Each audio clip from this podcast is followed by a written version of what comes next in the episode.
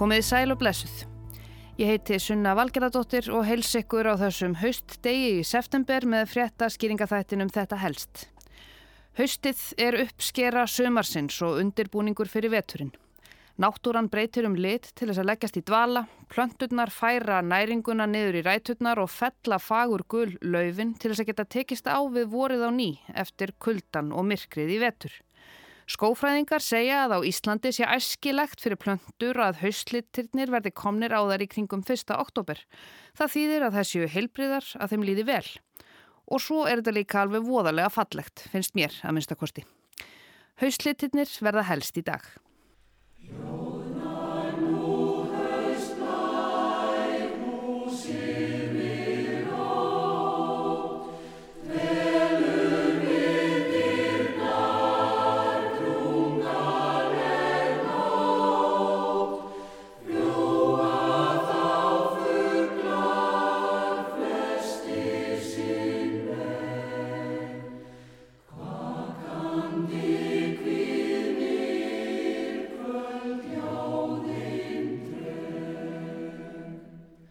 Ætli haustið sé ekki skarpasta árstíðin að þessum fjórum hliðum ársins á Íslandi, það fer ekkert á milli mála þegar það skellur á.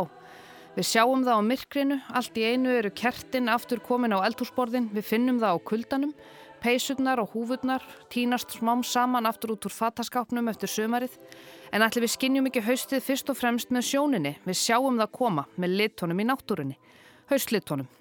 Öll möguleg afbreyði af gulu, rauðu, brúnu og grænu, jafnvel svörtu og fjólubláu, þetta er misjánt millir tegunda, einstaklinga, svæða og jafnvel hverfa innan sama bæjarfélags.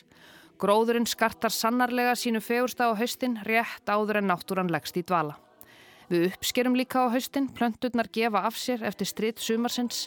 Það er erfitt að hrífast ekki af skærrauðum hrútaberjum á marglitu linginu í skóarbotninum, reyniberjunum hangandi inn á milli appelsínu gulra löfbladana eða svartra krækiberjana á pínulitlu barlinginu. Kortnið er skorið, kartöflutnar teknar upp og loksins er sá tími komin þar sem við þurfum ekki að leita endalöst að íslensku grænmeti í matföruverslunum. Ekki skemmir þetta allt saman stemninguna og á Íslandi getum við líklega sagt að haustið sé í september, oktober og fyrir hluta november. Svo kemur veturinn yfirleitt.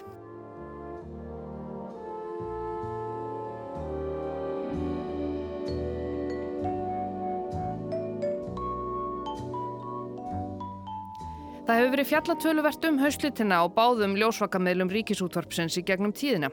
Auðvitað er kannski að vissuleiti skemmtilegra og áhrifaríkara að sína haustlitina í sjónvarpinu sem sé í stað þess að tala um þá í útvarpinu. En það þarf svo sem ekkit endilega að vera. Látum að minnstakosti á þetta reyna. Haustlitir plantna eru byrtingamind þess þegar þær undirbúa sig fyrir veturinn, undirbúa sig undir að leggjast í dvala. Ef við tökum tré sem dæmi, tré sem lifa nú yfirleitt í mörg ár og jafnvel áratugji, þá þurfa þau að lifa veturna af. Til þess að undirbúa sig fyrir myrkrið og kuldan þá dæla þau næringarefnum í geimslu í stopnum og greinum þar sem þau get ekki fengið neina næringu úr ljósinu. Svo plantan þarf að ná í orku, loka sárunum þegar löfblöðin falla, svo það geti andað og lifað áfram og lokað sig frá frostinu og myrkrinu. En af hverju skipta plönturna svona um lit og af hverju verða þær svona fagur litaðar í heitu afbröðum litapalettunar? Vísindavefurinn veit. Plöntur búa yfir innri klukku eins og við sem stjórnar líffræðilegri starfsemi í samræmi við sólarhingu og ástíma. Hjá plöntum stillir sólarljósið klukkuna. Vísindavefurinn segir kerfið afskaplega flókið þar sem margir ljós viðtakar og mismunandi boðferðlar eru tengdir þannig að ef eitthvað fer úrskeiðist þá getur annað tekið við. Plöntur skinja bæði magn ljósins og gæði þess. Þær geta skinjað dag, lengd eða skiptingu millir dags og nætur og þannig skinja þær mismunandi ástíma. Það eru klár kvikindi, þessar plöntur. Það ber að taka fram að þetta síðasta stendur ekki á vísindavefnum. En þetta gerir það. Þegar dag tekur að stitta, sendir innri klukkan merki um að breyta frumustarfseminni smám saman og undirbúa plöntuna fyrir veturinn. Ljósmagn mingar við stittingu dags og ljóskeiði breytast þegar sólinn er látt á lofti. Ákveðnir ljós viðtakar taka til starfa og ný frumustarfsemi fer í gang. Litarefnin antosíanín myndast á sama tíma og bladgræna brotnar niður. Þessi litarefni vernda löfblöð gegn sterku ljósi og geyslun þar sem bladgræna er ekki lengur til staðar en það ljósmagn sem vanalega kemur á stað ljóstillífun það er orðið að álægi eða streitu fyrir plöntuna.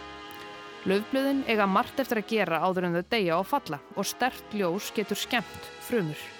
Myndun litarefna karotín eða ekst en þetta er forveri plöntuhormóns sem undirbýr plöntuna fyrir vetradvala og þetta eru sömu litarefni og gefa gullrótum þennan fagur appelsínugula lit. Og plöntur skinja haustið löngu áður en við sjáum litabreitinguna líklega um leið og dag tekur að stitta. Fjölærar plöntur sem vaksa í tempraða beltinu á jörðinni þurfa að kunna að undirbúa sig fyrir veturinn annars lifa þeir hann ekki af. Þær þurfa að mynda blóm nógu snemma svo að fræin hafi tíma til að þroskast. Þær þurfa að vita hvernig og hvenar á að undirbúa sig fyrir veturinn. Til dæmis verða margar trjá og runnategundir að hætta að vaksa og flytja afurðir ljóstillífunar í öruga geimslu annar staðar, til dæmis í rótunum. Þær verða að fella löfblöðin en þó ekki fyrr en þær hafa lokað fyrir sárið sem myndast þannig að greinar eða stopnar verði ekki opnir fyrir vastappi, skemdum eða síkingu. Plönturnar þurfa að gera þetta allt í réttri röð og á réttum tíma. Brynjar Skúlason, sérfræðingur hjá skóraktinni, segir haustið besta tíman til þess að greina uppruna plantna. Hann var til viðtals í fréttum okkar fyrir nokkrum haustum síðan, einmitt um haustlitina þetta er svo skemmtilega tíma þá sjáum við núna munin á mismunandi uppruna trána vegna þess að þau sem eru norðarlega eða ættuð á norðlægum svæðum þau ganga fyrr frá sér heldur en þau sem að koma frá suðlægum svæðum og þetta við sjáum þetta ekkert nema bara á hösti því að þá blasir þessi munu við einmitt í höstlítónum. En þetta getur líka verið mismunandi eftir kvæmum innan sömu tegundar og einstaklingum. Tvö reynitré hlið við hlið geta til dæmis verið á mjög misjöfnum stað í vetratvala sínum þegar það fer að hausta. Brynjar segir að flestar plöntur ættu að vera komnar í haustliti í oktober til þess að vera vel undirbúnar undir veturinn. Ef að þau eru ennþá græn þá, þá er það vísbendingum að þeim sé svona hættabúin við fyrstu frostunum. Og svo er þessi litadýrð, hún er þá bara bónus fyrir okkur eða hvað? Já, og fólk getur valið sér svo mikið, bæði runnum og trjám og allt hvaða haustlitið það vil fá. Birki, ösp, hlinur, ilmreinir, fjalldrapi, blábyrjaling, grasvíður og gljámispill eru nokkur dæmi um trjá og runnaplöntur sem skarta yfirleitt mjög fallegum hauslitum. En Ragnhildur Tollasíus, hún var stött á þingvöllum fyrir tæpum tíu árum að dástað hauslitunum þar og miðlaði þeim til landans í landanum. Hún fekk til sín Kesari Anam Þavat Jónsson, professor í grasafræði og plöntu erðafræði við Háskóla Ísland til viðtals. Kesari er einn helsti plöntu erðafræðingur landsins og sér fróðum hvað gerist í efnaskiptum plantnana þegar hauslitirnir koma fram. Já, það er akkurat það þegar er að koma svona uh, hausti þá plantan er að undibúa til að fara í, það kalla vetradvala og uh, þá uh, smá saman hæta svona stafsemi sem er í gangi. Sérstaklega ljóstilífun, það er græn liturinn græni liturinn sem vinnur ljóstilífun og uh, aðri liti eða kalla önnu litarefni er að vera sjáanlegi eins og gúlu liturinn eða rauðu eða allt á milli. Og þessi hópu svona litarefna það kalla karotinoids uh, þau uh, litarefnin hjálpa við ljóstilífun til að sapna svona ljós af mismunandi bylgjuleng. Og líka jafn mikið væl þau eru e, eins og sóla svona vörd, sólvörd fyrir plöntuna. Þegar græni liturinn farin þá við sjáum mm, litin sem er undi betur en það er ekki bara það, það er líka meiri framleyslan af öðrum litum. Þetta er síðasta skrefið í undirbúningi plantnana fyrir dvalan sem það er leggjast í í vetur. Þegar plantan veit að vetu er að koma þá uh, það þarf að um, dæla, færa svona uh, uh, um, framlegslu, næringaefni á sinn stað, hvort þetta verður geimslu eða innir í stopp og í rót og uh, bara undirbúa ímislegt sem það að hafa á veturna jafnvel eins og uh, búið til svona antifreeze svo að það verður ekki skemmt Kiesara hefur sérstaklega rannsakað byrki. Og rannsóknir minni fer mikið í því að skoða að kalla svona blöndun á milli tegunda í gegnum um svona frjókott, svona lendar og annað, uh, aðra plöndur og uh, byrki yfirleitt uh, er gurt á litin uh, á haustið. Og fjalldrapi sem er í sama ætkvistlu byrki Bachelor hann er uh, oftast rauðu og þegar við sjáum hérna að allir liti til í virkinu maður giska það að í rauðu uh, virkitríanu þá verður meira af fjaldrapa svona efra efni. Í sér. Það er blandast. En í náttúrunni þetta er næsilegt og mikilvæg. Þegar kemur uh, mikla breytingar í lofslæginu eða annað þá eru alltaf til mismunni gerði sem getur lifa af. Fyrir mig það er ekki bara fáð, ekki bara svo fallegt hérna En það líka segja að gróðurinn okkar er uh, helbriðu. Það er mjög bara uh, góðu. Það merkja fyrir að uh, lif hefur verið gott og uh, hrein loft og uh, bara fín. Þetta var hljóðbrótt úr landanum á Rúf síðan í september 2011 og eins og áður segir þá hefur verið fjallað töluvert um hauslitina hér í gegnum tíðina, oftar en ekki í tengslum við list, tónlist, ljóð eða menningu. Í haustbyrjun 2007 voru þættir á dagskrá hér á Rás 1 í umsjón Ingi Bjarkar Eithórsdóttur sem heita Litir í tónum og orðum og voru þar tengsl lita við tónlist og orð skoðuð. Eitt þátturinn var helgaður hauslitónum að sjálfsöðu. Þar var spiluð tónlist sem tengist hauslitum með einhverjum hætti og ímsar kenningar um liti voru rættar.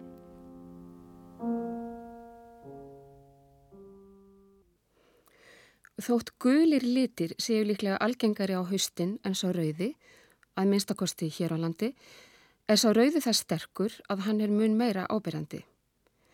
Auk þess segir Guði um rauðan lit í litafræði sinni frá 1810 að ef við höfum í huga hreinan rauðan lit sem ekkert hefur fengið að láni frá hinum frimlitónum, gulum eða bláum, þá felist í honum allir aðri litir. Í honum búið þungi og virðuleiki séðan dökkur og í ljósari útgáfum séðan bæði glæsilegur og aðlæðandi. Þannig saminni hann virðuleika ellinar og vingjarlegt viðmót æskunar í einum lit. Því er ekki nema von að fólk njóti þess að virða fyrir sér hausliti í allri sinni dýrð. Ástæðan fyrir hauslitunum er þó auðvitað hrein efnafræði. Kuldi og minkandi sólaljós draga úr framlegslu plantna á grænukornum sem ljáðum litin yfir sumarið og stjórna ljóstilífinni en það er ferlið þegar sólarorkunni, ljósorkunni, er breytt í efnafræðilega orku, kolvetni. Margar plöntur hafa auk grænukotnana stert litarefni sem heitir karotín sem gefur gulan og appilsínugulan lit. Karotínið er ekki eins viðkvæmt fyrir kulda og sólaljósi og grænukotnin og þegar þau hafa brotnað niður situr karotínið eftir og gefur gróðurinnum sinn gula lit. En annað litarefni eða hópur litarefna eru svo kvöldið antosíanin en þau gefa rauðalitin.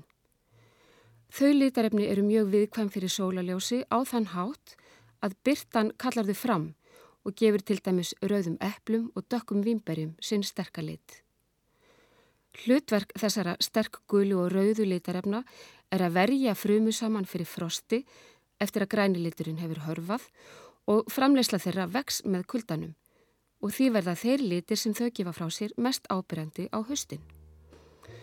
Hér á landi verða flestar víðitegundir fagur gular á höstin en bláberjaling og reynir skarta sterk rauðum lit. Through the trees comes autumn with her serenade Það er aðtiklisvert að flóran skuli fara á þetta brjálaða litaflipp svona rétt áður en hún leggst í vetradvala. Við mannfólkið ættum að hafa þetta í huga í okkar æskudyrkunar þjóðfélagi og muna að lífinu líkur ekki um færtugt eða fymtugt. Haustið á æfumannsins getur verið ótrúlega gjöfult og margir vinna sín stærstu afreg á þessum árum, ekki síst listamenn.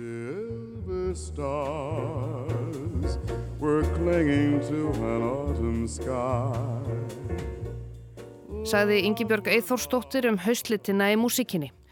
Og ég ætla að taka undir með Ingi Björgu og hefja lokaorðin hér í þetta helst um haustið og litina að aðtiklisverða litaflippið sem náttúran fer á fyrir svefnin megi mögulega yfirfæra yfir á okkur manneskjöldnar, Tökum haustinu fagnandi, njótum litana, berjana, gullrótana og rúsínana þó þar séu kannski ekki í neinum pilsuenda. Veturinn er nefnilega alveg handan við hodnið. Hauslitirnir voru helst í dag. Takk fyrir að leggja við hlustir og við heyrumst aftur á morgun.